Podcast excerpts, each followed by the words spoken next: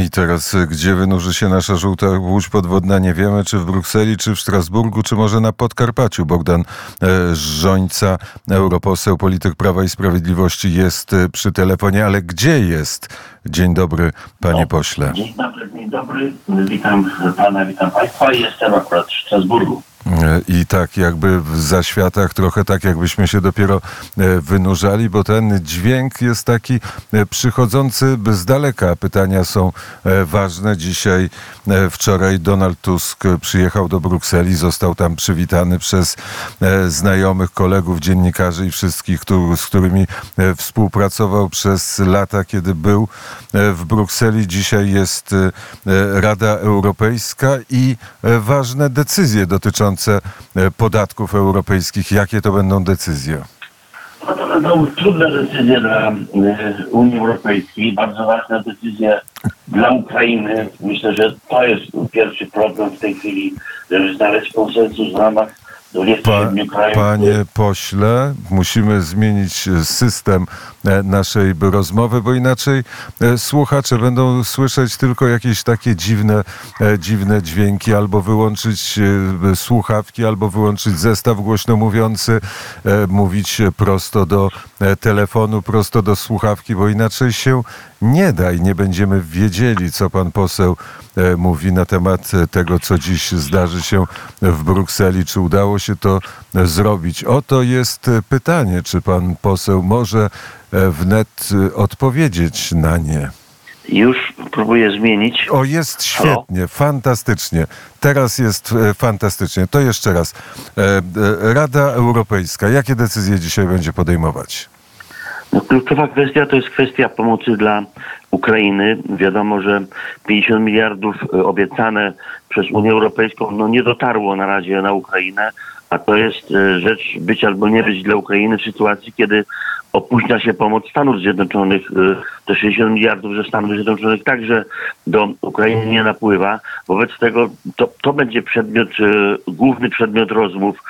Wszyscy są zainteresowani y, zwycięstwem Ukrainy, no ale coraz bardziej, coraz więcej głosów też jest i takich, że no, Putin zyskuje ogromną przewagę, że to, to jego wielkie państwo jednak zaczyna dominować na tej wojnie i powoli, powoli strach ogarnia e, Unię Europejską, ponieważ następne lata to mogą być następne kroki przeciwko innym krajom Unii Europejskiej. Mówię tu o agresji Putina.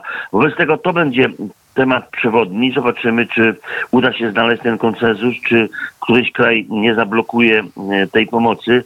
Słyszałem o tym, że Węgry są mocno, e, że tak powiem, w tej chwili naciskane na to, a nawet y, przekupywane w pewnym sensie tym, że otrzymają pieniądze, byleby tylko wyraziły zgodę na tę pomoc. Więc to jest kwestia numer jeden i sądzę, że chcielibyśmy dzisiaj usłyszeć pozytywne sygnały, że w budżecie Unii Europejskiej znajdzie się 50 miliardów na pomoc dla Ukrainy.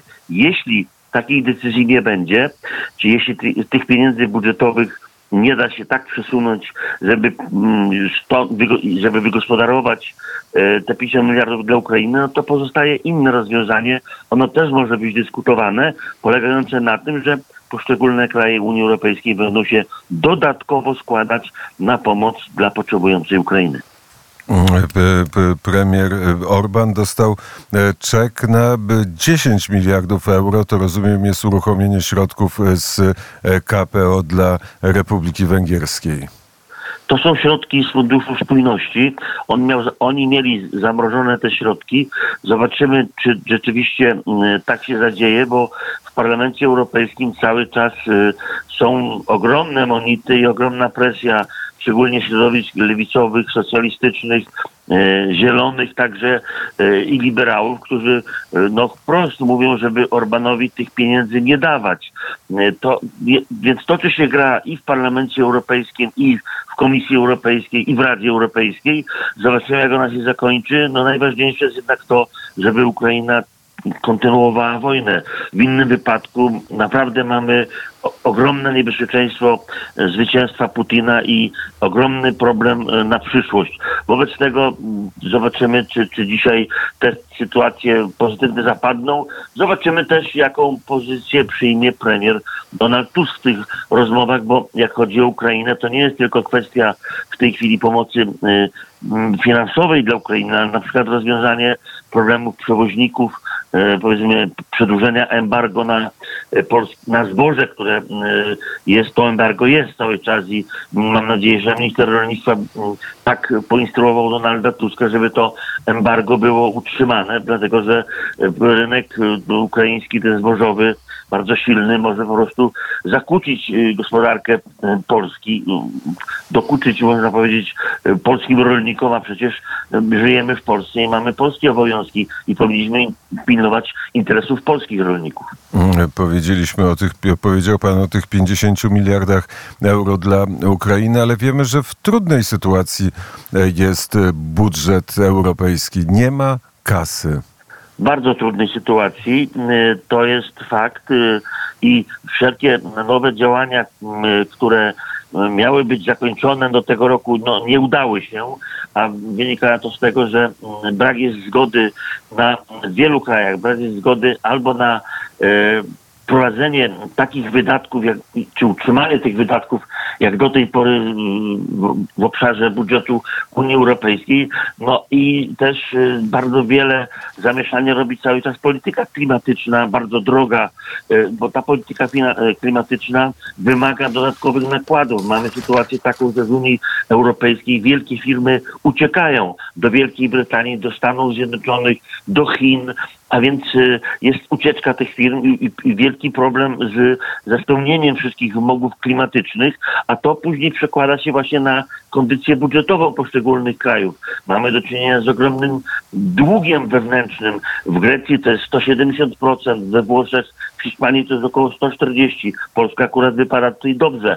Ale generalnie budżet Unii Europejskiej jest w potrzasku, ponieważ e, te, te wszystkie e, wyzwania, które ta ekipa liberalno-lewicowa przyjęła na siebie, no nie mają zasilania finansowego. Stąd się mówi też o potrzebie nowych podatków. Podatków od paliw e, samochodowych, dodatkowych podatków od paliw domowych i podatków oczywiście od firm funkcjonujących w Unii Europejskiej. A tu już nie ma jednomyślności, nie ma zgody i mm, jak mówią niektórzy e, europosłowie, e, ani jednego euro więcej na przykład takie kraje jak Niemcy, Dania, czy Szwecja, czy Holandia nie będą chciały wpłacić do budżetu Unii Europejskiej. No i to się wiąże po prostu z tym kryzysem finansowym. Ale te e, dodatkowe podatki mają wpływać wprost do budżetu e, europejskiego i e, jest, rozumiem, dyskusja teraz na temat wprowadzenia tych podatków.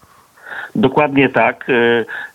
Mówi się o tym, że, że te, no, te nowe podatki już będzie musiał wprowadzić nowy parlament. Przypomnę, że w czerwcu przyszłego roku będą te wybory i zdaje się, że ten parlament nie jest w stanie przy tej aferze Qatargate y, do, do, dokończyć y, zgodnie wprowadzania tych podatków, więc widzimy raczej, że, y, że parlament koncentruje się w tej chwili na tym, żeby dojechać do końca tej kadencji razem ze socjalistami, którzy no, są bardzo w tej aferze umoczeni. No i stąd też nie ma takiego, takiej zgody i zgodności co do tego, żeby e, przejść naprzód nowymi podatkami. Zobaczymy, jak, jak to rozwiąże przyszły parlament. Fakt jest faktem, że e, Unia Europejska na rok 2024 nie ma pieniędzy na razie na spłatę odsetek, od zaciągniętych kredytów i nie ma pieniędzy na pomoc dla Ukrainy i e, rosną obawy co do tego, jak będzie wyglądał proces spłacania tego długu. Eksperci policzyli, i to jest bardzo, e, że tak powiem, e, ważne. Policzyli eksperci, nie politycy, że w 2058 roku to co prawda dosyć daleko jeszcze do tego e, roku, ale e, koszty pożyczek zaciągniętych dzisiaj przez Unię Europejską wyniosą, chodzi tu o same odsetki, 220 miliardów euro. No, włosy się jeżdżą na głowie, jeśli y, słyszymy o takich kwotach, bo pytanie następne jest, właśnie takie. Kto to będzie spłacał, z jakich źródeł i czy Unia Europejską dzisiaj stać na wszystko to, co robi, czyli zajmuje się na przykład pomocą, e, polityką genderową, przesyła pieniądze do Afryki, do Azji i tak dalej. Zajmuje się rzeczami, które mm, no po prostu z punktu widzenia samej Europy nie są pierwszorzędne. No ale taka właśnie jest Unia. Chce załatwić wiele spraw, a na wiele z tych spraw już pieniędzy po prostu nie ma. Ale jest na to lekarstwo, centralizacja e, Unii. Wtedy Unia będzie miała swój własny wielki budżet, na który będą składały się e, państwa, a przede wszystkim wszyscy obywatele i mieszkańcy Unii Europejskiej. No właśnie, w tych zmianach traktatowych, o których pan redaktor wspomniał, jest też propozycja stworzenia stałego mechanizmu zadłużeniowego Unii Europejskiej. Czyli miałoby to wyglądać tak w przyszłości, jak myślą eurokraci, że Bruksela będzie zaciągać pożyczki, a wszyscy inni będą spłacać, no bo nie będzie już tutaj weta, prawa weta, to w traktatach też ma ulec likwidacji. Wobec tego do, mniejsze, słabsze kraje będą tylko towarzyszyć spłatom, a nie będą miały wpływu na co na, na, to, na co zaciągane są kredyty. To też y, Prawo i Sprawiedliwość oprotestowuje. Zobaczymy, jak zachowa się w tej sytuacji przy zmianach traktatowych rząd Donalda Tuska, no bo w samym ekspoze i we wcześniejszych wypowiedziach premier Tusk mówił, że no, nie ma mowy w tej chwili o zgodzie Polski na e, zmiany traktatowe. Podobnie mówił premier Morawiecki. Ale zobaczymy, jak to będzie właśnie na Radzie Europejskiej, bo, bo jak mówią niektórzy bardziej e, wytrawni z tej politycy w Parlamencie Europejskim, e, nawet Wielka Brytania wtedy, kiedy była w Unii Europejskiej, godziła się na rzeczy, na które nigdy nie powinna się zgodzić. Więc ta presja, nacisk, szantaż co ma miejsce cały czas w y, Komisji Europejskiej, także w Parlamencie Europejskim, to wszystko może spowodować, że kraje po prostu zmienią zdanie i na przykład szybciej pójdą y, rozmowy na temat zmiany traktatów, nie daj Boże, czyli w ten sposób polski minister obrony narodowej przestanie mieć znaczenie, minister spraw wewnętrznych przestanie mieć znaczenie. No cała nadzieja w tym jednak, że ten cały proces wymaga ratyfikacji i w końcu no, trafi ta sprawa na przykład do prezydenta. Jeśli mamy prezydenta Andrzeja Dudę, to mamy pewność, że nie podpisze, nie ratyfikuje takich zmian, ale kto wie, co będzie za 20 miesięcy po nowych wyborach. Bo to, co chce zrobić Unia Europejska w procesie centralizacji, to, jest, to się nazywa rolowanie długów. Państwa nie mogą, nie mają wydolności. Powiedział Pan o zadłużeniu Włoch, powiedział Pan o zadłużeniu, e, wiemy, zadłużenie Grecji, zadłużenie Hiszpanii, zadłużenie Francji. Długo można wymieniać listę e, państw zadłużonych, a teraz nowy podmiot Unia Europejska może na wyższym poziomie i większe pieniądze brać, bo e, jeszcze raz to samo. Czy dobrze myślę, czy źle? Tak, właśnie te struktury polityczne o charakterze lewicowym i liberalnym, a one rządzą w tej chwili Unią Europejską, po prostu e, charakteryzują się tym, że brak jest tu eurorealizmu, brak jest takiego podejścia gospodarczego, typowo ekonomicznego. No w księgowości jest tak, że są przychody i rozchody, a tutaj się mówi tylko o tym, że powinniśmy wydawać i wydawać więcej. Jeśli pani von der Leyen w Dubaju powiedziała, że do tej pory wydawaliśmy na politykę klimatyczną miliardy, a teraz musimy wydawać jeszcze większe sumy, no to to budzi po prostu ogromny strach w Unii Europejskiej. A sama polityka klimatyczna nie przyniesie, nie uczyni z Europy obszaru bardziej konkurencyjnego względem Chin i Stanów Zjednoczonych, gdzie tradycyjne metody energetyczne są po prostu rozwijane. Unia przegrywa energetycznie Unia, Unia przegrywa gospodarczo, Unia jest ideologiczna, no i stąd też próba ucieczki w zmianę traktatów i centralizację po to, żeby przesłonić te niedostatki i mówić, że jak będzie o wszystkim decydowała Bruksela z Berlinem i Paryżem, to będzie po prostu lepiej. No nie będzie. Widać to gołym okiem. Ta ekipa, która rządzi Unią Europejską, nie przyzna się do klęsk, także do tej klęski współpracy z Putinem, kiedy myśmy mówili o, e, o, o tym, że potrzeba debaty na temat Nord Stream 2 w Parlamencie Europejskim trzy lata temu, to odrzucono naszą propozycję. Dzisiaj wszyscy powoli, no jakby po cichu zgadzają się z tym, że zostali przez Putina oszukani, ale brak jest po prostu takiego realnego podejścia obecnie rządzących Unią do, do funkcjonowania samej Unii, I, I to prowadzi Unię Europejską do kryzysu gospodarczego, ekonomicznego i do przegranej w kontekście rywalizacji w tym obszarze właśnie z innymi kontynentami. Jeszcze e, trzeba dodać informację. Szczyt Unia Europejska-Chiny, deficyt w handlu z Chinami to e, 400 miliardów euro? Tak, a z kolei e, wzrost obrotów e, między Rosją a Indiami to jest e, 30 miliardów euro. A więc wcale sankcje, które na, nałożyła Unia Europejska na Rosję nie dają wielkiego efektu.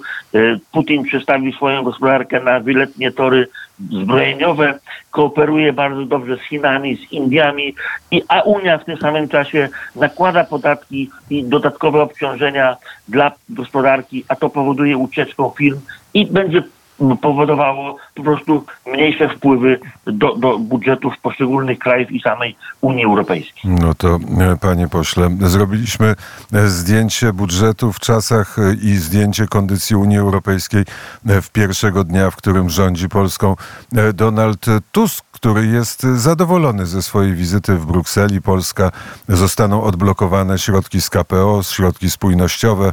Do Polski napłyną z tego pustego budżetu, napłyną pieniądze. Pewno pan poseł się cieszy. No, nigdy nie będziemy przeciwko, totalnie przeciwko dawaniu pieniędzy z Unii Europejskiej dla Polski, tak jak to robiła Platforma Obywatelska i Lewica tutaj w Parlamencie Europejskim. Nie będziemy robić rezolucji, żeby Polska czy Polacy tych pieniędzy nie otrzymali. Natomiast e, te zapowiedzi e, pana Donalda Tuska, no, e, one są e, bardzo, tak powiem, optymistyczne, bo e, zmienił się bardzo front tu w, e, względem Polski tutaj w Parlamencie Europejskim. Po 15 października już nie Polska jest bohaterem debat, tylko Hiszpania, mówi się o Hiszpanii, że tam jest brak praworządności. Wczoraj była debata o Słowacji, że tam jest brak praworządności.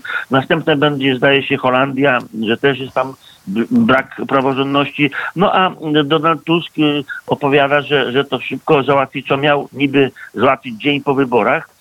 Jestem e, większym tutaj trochę p- pesymistą.